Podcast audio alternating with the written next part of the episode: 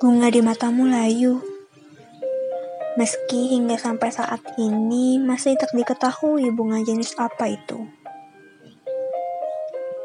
Seandainya puisiku adalah sejenis bunga, mungkin ia akan mekar di mata itu dengan begitu amarta.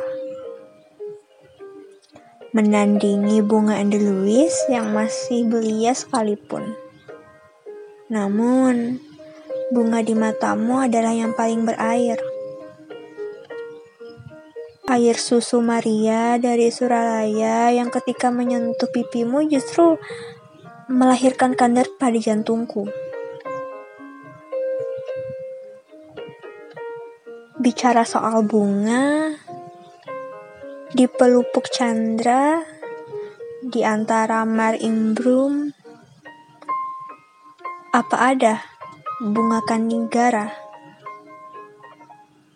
Kuning yang sebenarnya lebih menyerupai jata rupa. Astronom kuno pun mengira di atas benda bernama rembulan itu pernah ada lautan.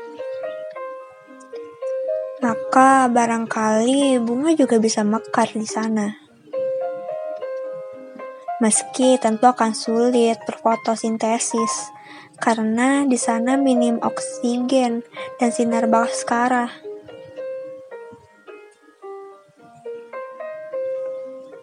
Suka rasanya ketika harus menuliskan puisi soal bunga. Namun, dalam waktu yang bersamaan, tak boleh sedikit pun memikirkan lekuk bibirmu yang semerah kamelia.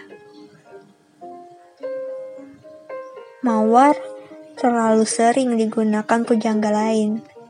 Namun, sungguh hidupku ini hanya untuk membeli sebuah rumah di tengah kota Tokyo dan tinggal denganmu berdua.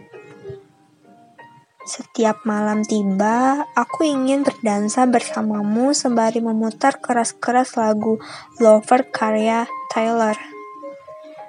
Dan samping jendela kamar kita memelihara bunga kaktus hijau abadi meski dalam kering.